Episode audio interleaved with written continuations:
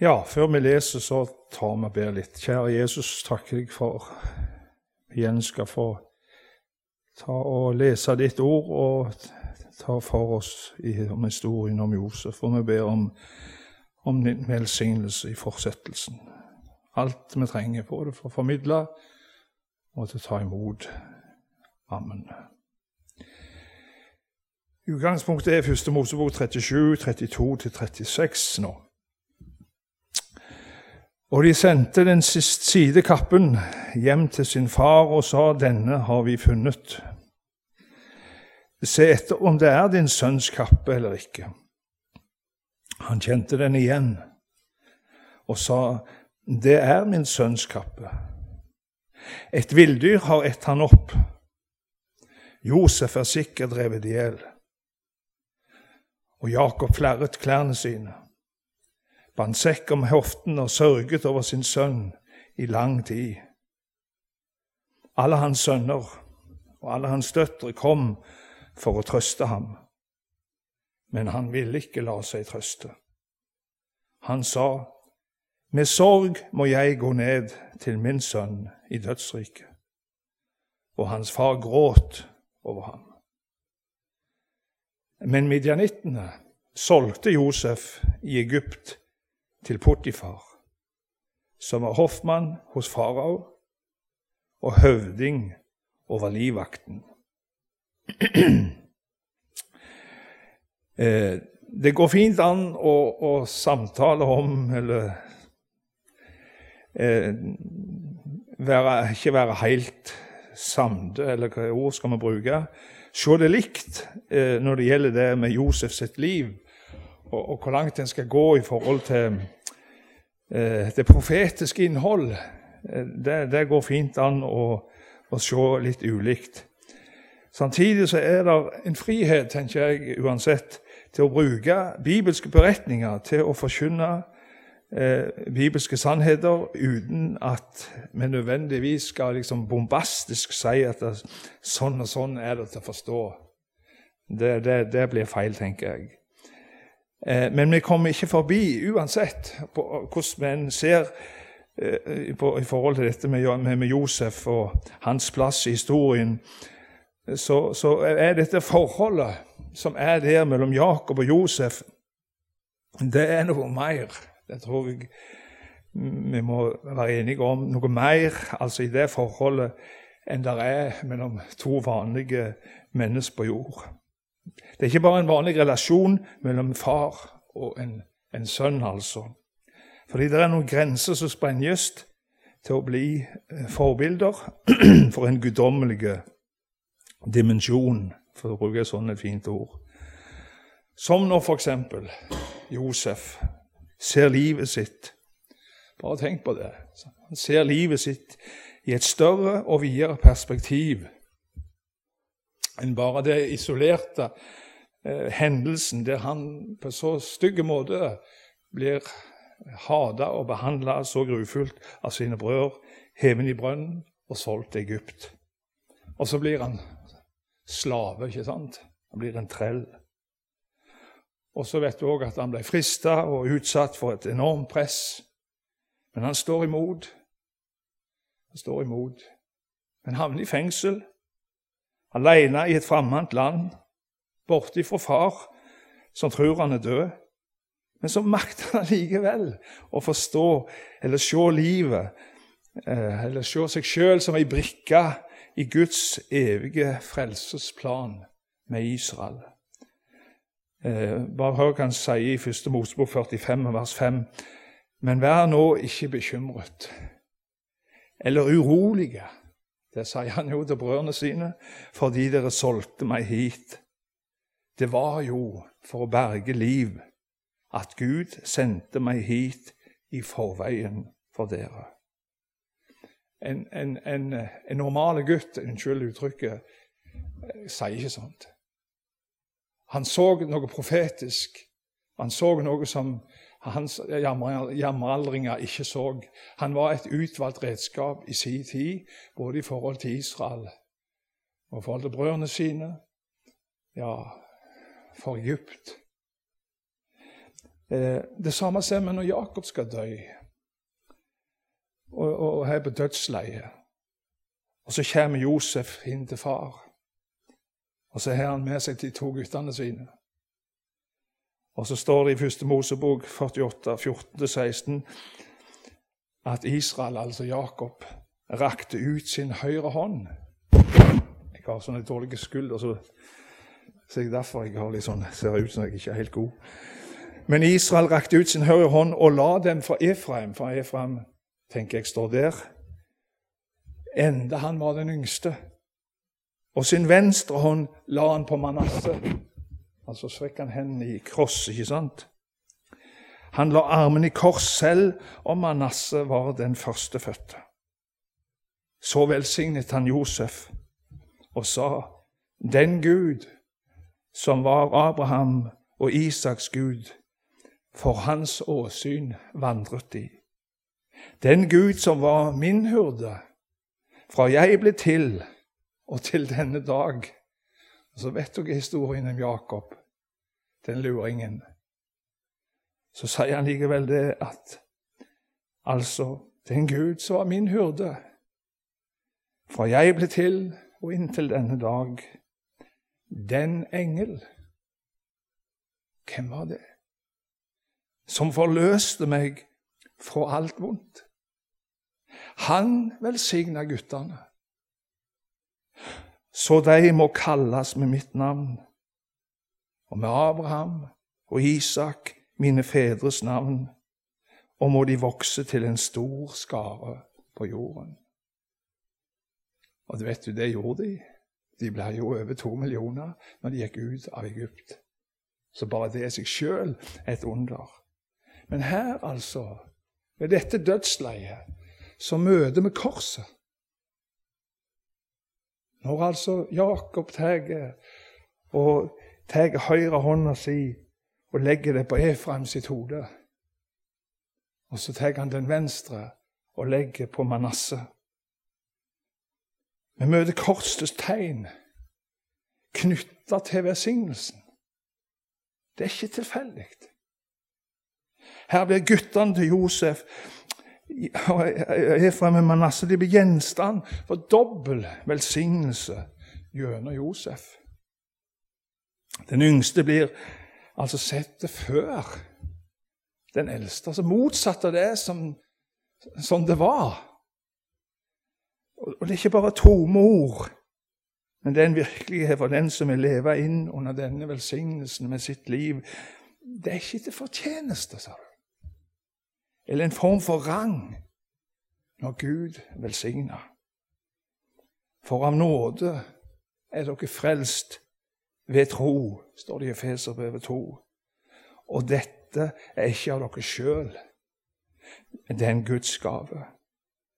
Slik at Den bibelske velsignelsen er det positive motstykket til Guds forbannelse.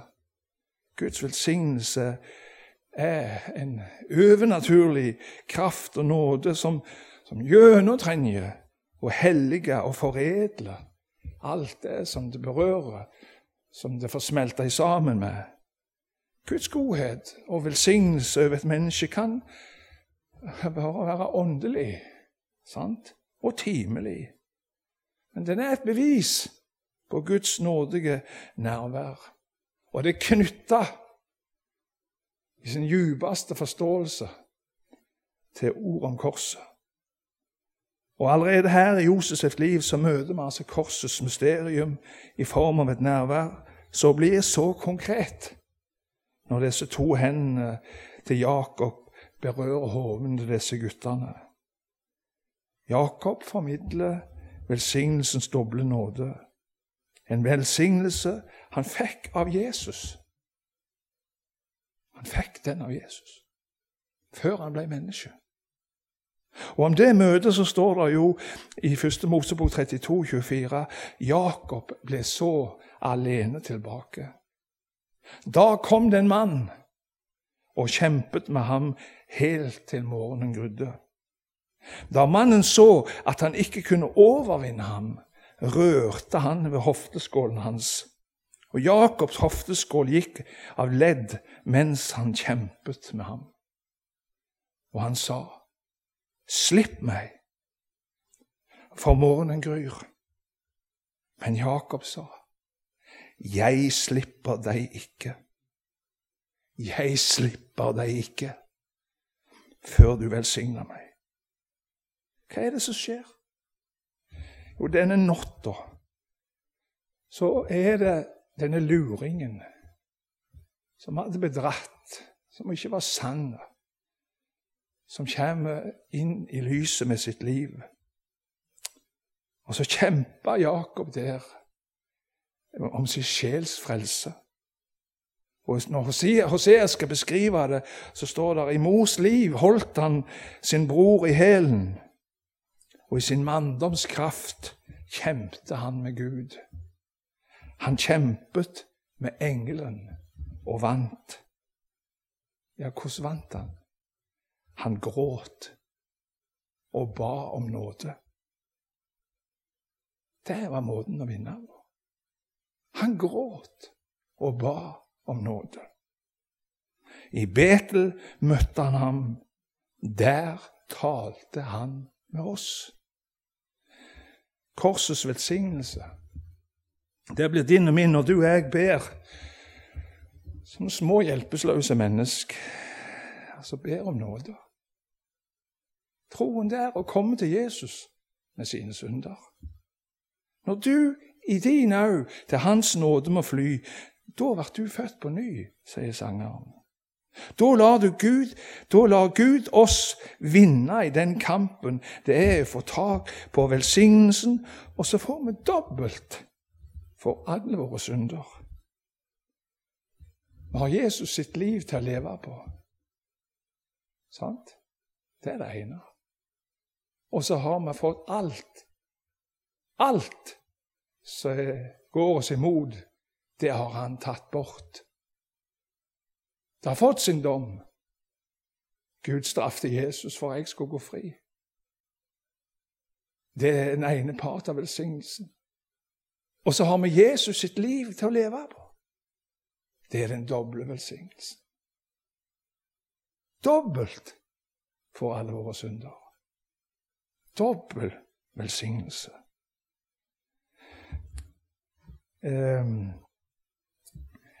Det er den kampen Jesus taler om i Matteus 11, vers 12. Det som Jakob er inne i. Men fra døperen Johannes' dager og til nå så trenger de seg inn i himmelens rike med makt. Ser du det for deg? Trenger seg inn i himmelens rike med makt. Og de som trenger seg inn, river det til seg. Det høres ut som en vill kamp. Men det er det samme som Jakob gjør når han river til seg velsignelsen og sier 'Jeg slipper deg ikke før du velsigner meg'. Det er beskrivelsen til en hjelpeløse synder som er i nød, og som griper frelsen utenfor seg sjøl. Korsets velsignelse forkynner mitt liv som blir levd i stedet for deg og meg, og så forkynner det om et, om et lyteløst liv som om en som måtte dø i vårt sted for å berge liv, men som ble oppreist ifra døden, ble innsett på truna med all åndelig velsignelse i himmelen. Han er i soning for mine synder og dine synder akkurat nå. På grunn av det han er, er det jeg rører meg vei til. Og jeg er sett med han i himmelen. Den velsignelsen han har tilveiebrakt, den er min. Alt hans, det er faktisk mitt. I Betel møtte han ham. Der talte han med oss. Og Betel betyr jo Guds hus. Der talte han med oss. Altså ikke bare Jakob. Sant? Der så altså Jakob himmelstien og Guds engler som steg opp og steg ned. Sant? Ja, hva himmelstig er det? Jo, han så Jesus Kristus. Som englene steg opp og steg nedover. Når han ble født, så lydde det et budskap der på, på marka, ikke sant? Englene som sang. Når han ble frista i ørkenen, da var englene der. De steg opp og de steg ned. Det er himmelstigen som Gud plasserte på jorda. Det var den Jakob så. Og det var den engelen, den mannen, som var altså Kristus, som han sloss med, og som han reiv til seg fordi han trengte så til syndenes forlatelse. Han hadde lurt til seg noe som ikke var hans. Sant? Har du det?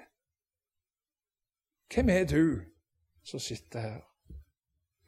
Har du hatt den der kampen der du bare på en måte får rive det til deg? Det er budskapet om Jesus, og dere kan så godt. Men når du er virkelig ved nød, og hjertet fordømmer deg, og omgivelsene fordømmer deg, da er det ikke så lett å få gripe det. Sant? Og så er det altså likevel et budskap som forkynnes inn i ditt og mitt liv.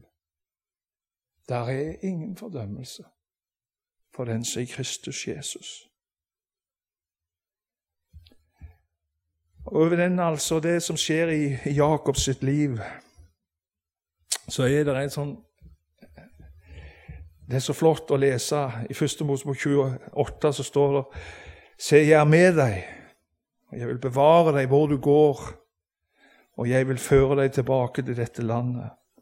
For jeg vil ikke forlate deg før jeg har gjort det jeg har sagt deg det. Og som Gud talte til folket gjennom Jakob og senere Josef, slik taler altså Gud ifra Golgata-høyden til deg og meg gjennom Jesus, han som Guds engler steg opp og steg nedover. Og I brevene så står det at brødre, vi har altså Jesu blod, frimodighet til å gå inn i helligdommen, til den Han har innviet for oss, en ny og levende vei gjennom forhenget. Det er Hans skjød. Og vi har en stor prest over Guds hus. Og I kapittel 3 vers 6 så står det men Kristus var tro som sønn over hans hus, og hans hus er vi. Så sant vi like til enden holder fast Hva da med frimodigheten og det håp vi roser oss av? Så sant vi like til enden holder fast ved frimodigheten og det håp vi roser oss av. Poenget er at det må være et Betel i ditt og mitt liv òg. Der vi får et møte med Jesus, for hans hus er med.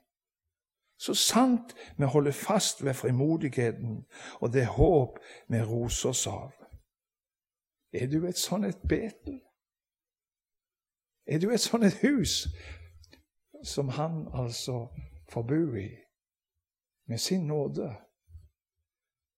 Der du får holde fast ved frimodigheten.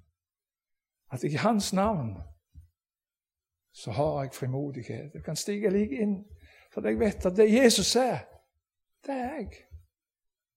Det han har, har jeg.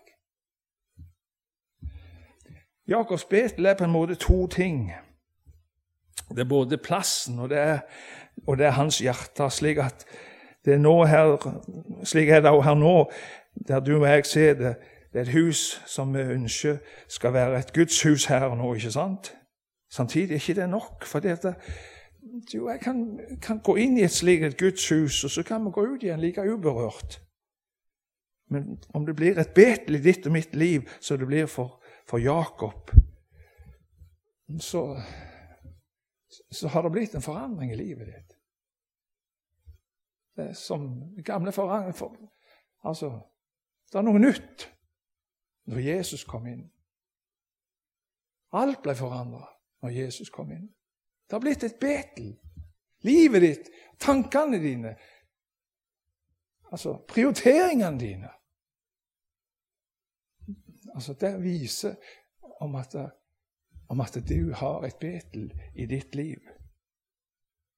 Der du hver eneste dag må komme til Jesus og si sånn, sånn som det er. Og så har det allikevel et fortrolig samfunn der du og han får bytte synd, og så kommer han med sin nåde. Hva er det han vil tale til deg og meg om i kveld? Jo, han vil at det skal være et betel der han åpenbarer for oss hvem han er, og hva han har gjort. Og Så vil han tale til oss hvem vi er, slik at det blir et oppgjør og ikke et skuespill som det var for brødrene til, Josef. Når de kommer og sier 'Se hva vi har funnet', altså hva kom de til far. Men sannheten var at de hadde ikke funnet noe som helst. De levde på ei lyggen som var innom i siste time. Den kappa de hadde, var jo bare deres påfunn. Det var deres synd som de prøvde å skjule. Hvem du enn er, så vil han i alle fall tale til deg om de skyld, de synd. Og så vil han også tale til deg om sin sønns virkelige blodige kappe. For han som bar den kappa, var elska av sin far. Derfor står det da Guds ånd steg ned over Jesus, når han kom der ved Jordan Han ble døypt av Johannes. Og, og, du vet at Johannes sa se der Guds lam som bærer verdens synd etter han hadde stått opp av vannet. Og så sa jo denne røsten, 'Dette er min sønn, den elskede. I ham har jeg velbehag.' Hvor har Gud velbehag? I ham har jeg velbehag. Det er kjeller som fløder av levende vann som klår. Det er salven som grøer vår dype og sviende sår. Det er nåden som varmer og liver opp kjærleiken min det er de evige armene som bærer meg i himmelen inn. Og i og ved den samme nåde er du og jeg elska. Det er den samme evige kjærlighet vi får et glimt av i beretningen om Josef, han som blir kasta i brønnen, fornedra og solgt. Men så blir han likevel altså en redningsmann. Og så vil han tale til deg og meg om det og så vil han tale til deg om, om Josefs lydighet. Josef var lydig mot Guds vilje og åpenbaring, slik at velsignelsen kunne gå videre til neste slektsledd. Det tror jeg er viktig at vi snakker om. Her og nå er det du og jeg som er der. ikke sant? Det er det vi som lever nå, sant? som er de neste i rekken, rekka til å bære det der vitnesbyrdet videre. Josef sitt liv og lydighet peker fram mot Han som ble innsett i tidens fylde. For ei heil menneskeslekt innsett for å fullføre Guds plan og vilje fra evighet av. Er det et Betel i livet ditt? Det er historien om Jesus får prege, altså. Og du får bringe det videre til de som ikke har hørt det er den unge generasjonen som vokser opp. Dette om Jesus, altså. Som sangeren uttrykker sånn ydmykt gikk Jesus den tronfulle vei. Tenk at han elsket så. Kjærlighet drev han i døden for meg. Tenk at han elsket så. Når snakket du med noen om det? Når fikk du vitne om Jesus? Fortell om hva som har skjedd i livet ditt.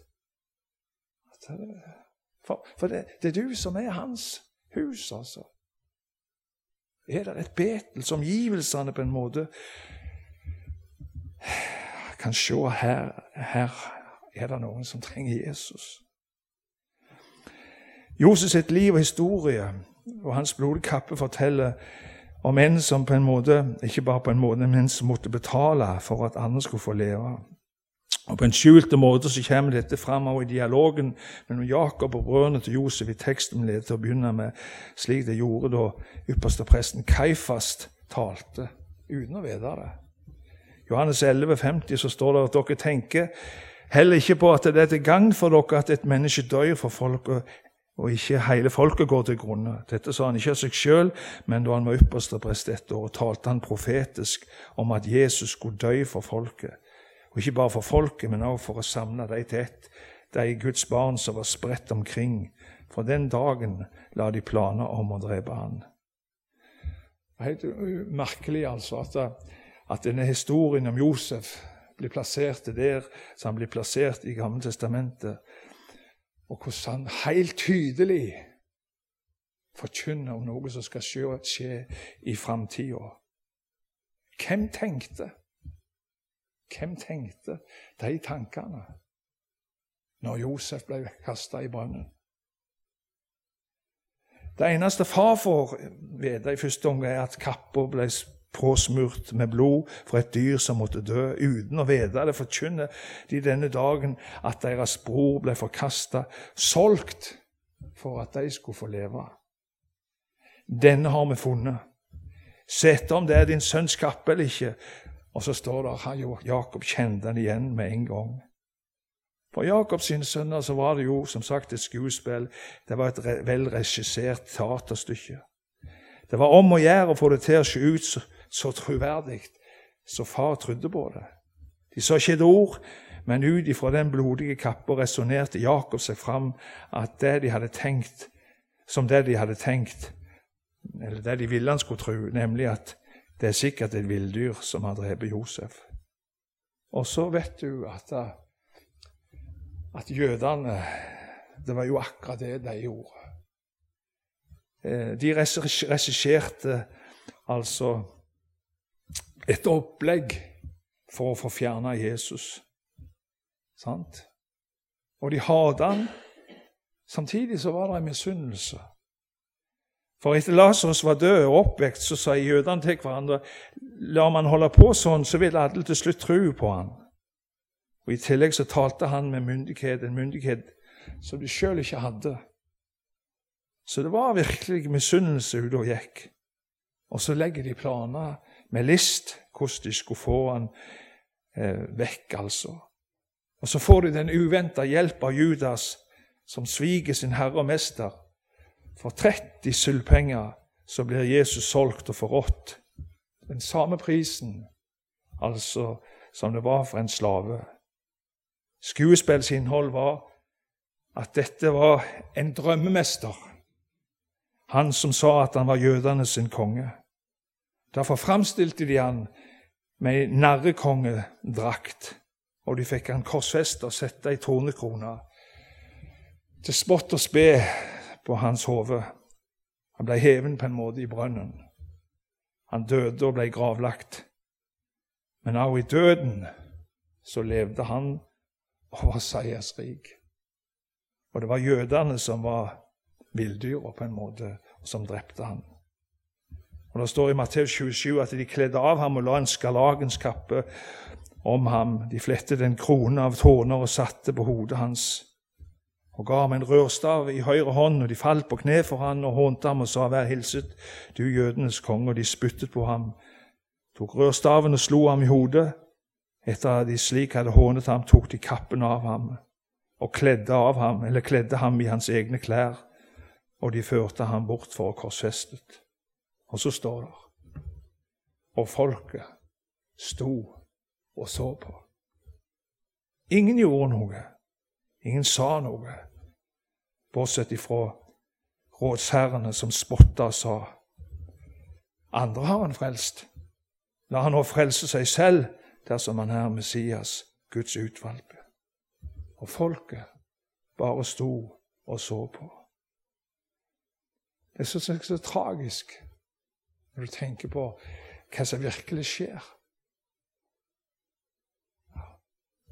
I hele den prosessen fra han ble fanget til han ble tatt ned av korset, så var det viktig for jødene jo ikke bryte med Moseloven og når de forsto at grava var tom, betalte jødene soldater rikelig med penger for å spre dette ryktet, at disiplene stjal Jesus' legeme mens de sov.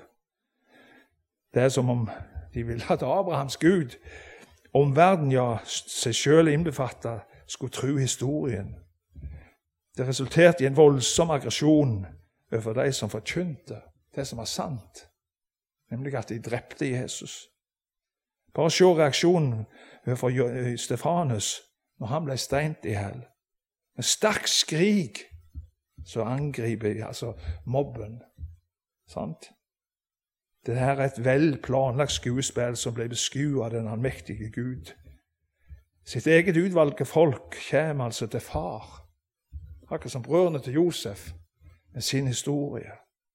De kommer med den blodige kappen. Men så vet han at sannheten er en helt annen. Det er sikkert noen villdyr som har drept ham, og Jakob gråt. Da Jesus sto forbi Jerusalem og så utover byen, så vet du at han gråt i alle fall ved to anledninger. Den ene gangen uttrykker han smerten sånn Jerusalem, Jerusalem, du som slår i hjel profetene og steiner de som har blitt sendt til deg. Hvor ofte jeg ville samle dine barn, som ei høne samler kyllingene under vingene, men dere ville ikke. Og så leser vi i teksten òg at Jakob gråt. Hvorfor gråt han? Hvorfor gråt Jakob? Det som er tilfellet, er at han gråt over noe som ikke var sant. Josef var ikke død. Det var brødrene til Josef som fikk det se ut som at han var død. De hadde en tolkning av virkeligheten som ikke var sann. Så sett fra en annen synsvinkel så gråter egentlig Jakob over sønnene sin forvrengning av sannheten. Og Så kommer både sønn og døtrene far for å trøste han.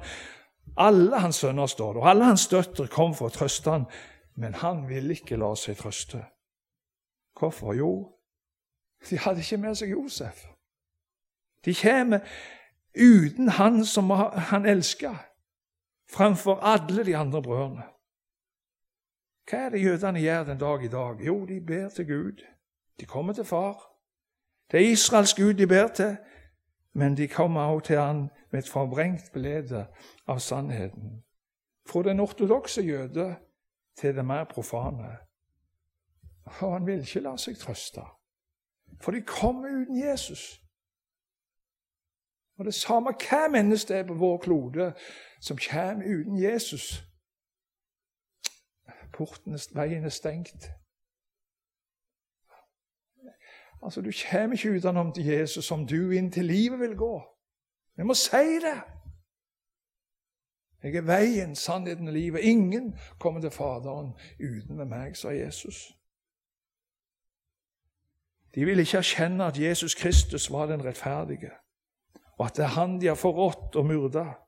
De fleste jøder har ikke kommet til det punkt som patriarken Jakob kom til, nemlig der han gråter og ber om nåde. Men jeg tror det skal komme ei tid i sin historie, Israels sin, historie, der det skal bli en vekkelse for dette jødefolket. Eh, det ble fantastisk. Alle hans sønner og alle hans døtre kom for å trøste ham, men han ville ikke la seg trøste. Hvordan er det med oss? Hvordan er det med deg? Hvordan kommer du til Gud? Hvordan kommer du? Du kommer vel ikke uten Jesus? Kommer du òg bare med den blodige kappen? For å komme med kappen det ytre er på en måte noe som beklær Jesus med. Altså, vi kan godt, altså, en kan godt være snakke om ord om korset. Død og soning kan være der. Alt kan være gjenkjennelig. Likevel så går det an at ikke Jesus er med. Han er altså solgt fordi du ikke vil bøye deg for han alene. Og I tillegg så lever du gjerne i et uoppgjort forhold. Du kommer ikke til Jesus med dine synder, og han vil ikke la seg trøste når vi kommer slik. Mor lærte meg en, en sang når jeg Om henne sjøl, har vi så sagt. Eh, der er det et, et vers som er sånn Og hvor vel jeg minnast mor, hun meg lærte livsens ord. Ba meg leve som en Josef for min Gud. Har dere sånn i den noen gang? Og hvor vel jeg minnes mor, hun meg lærte livsens ord. Ba meg leve som en Josef for min Gud. Mose gror på hennes grav. Men den Bibel hun meg gav, er ei lykt for meg når lyset mitt går ut. Gamle bok, kjære bok, du meg minner om det dyre soningsblod. Mer kjær fra år til år blir du meg hvar helst jeg går, på den trange veg som opp til himmelen når. Å, hvor vel jeg minnes mor. Jeg hadde òg en mormor som var med og viste meg veien til Jesus. Jeg er så takknemlig, altså, for de som var der i livet mitt, og som pekte på Jesus. Og så ba meg å leve som en Josef for min Gud. Ikke la dere bli likne disse brødrene, iallfall på dette stadiet. Men oss likne på Josef. Ja, dette var stykkedelt, stykkevis og delt, men det var det jeg hadde. Vi må be litt. Kjære Jesus, takker deg for forsamlingen og takke deg for hver en som har kommet for å høre. Nå må du gjøre det slik med oss altså at vi kan få gjemme ord og, og, og grunne på dem, sånn at det får gjøre noe med oss, Jesus. At vi kan få, få bli en få være en betydning for våre omgivelser, sånn som Josef ble det. Herre Jesus, vi har vår plass nå her i dette distriktet. Og så ber vi Jesus om at du kunne få lede oss i ferdiglagte gjerninger, slik som du fikk lede Josef. Og så var det gjerne ting som ikke var så lette å forstå, men så var det likevel din vei. Og du tar deg av den enkelte. I Jesu navn. Amen.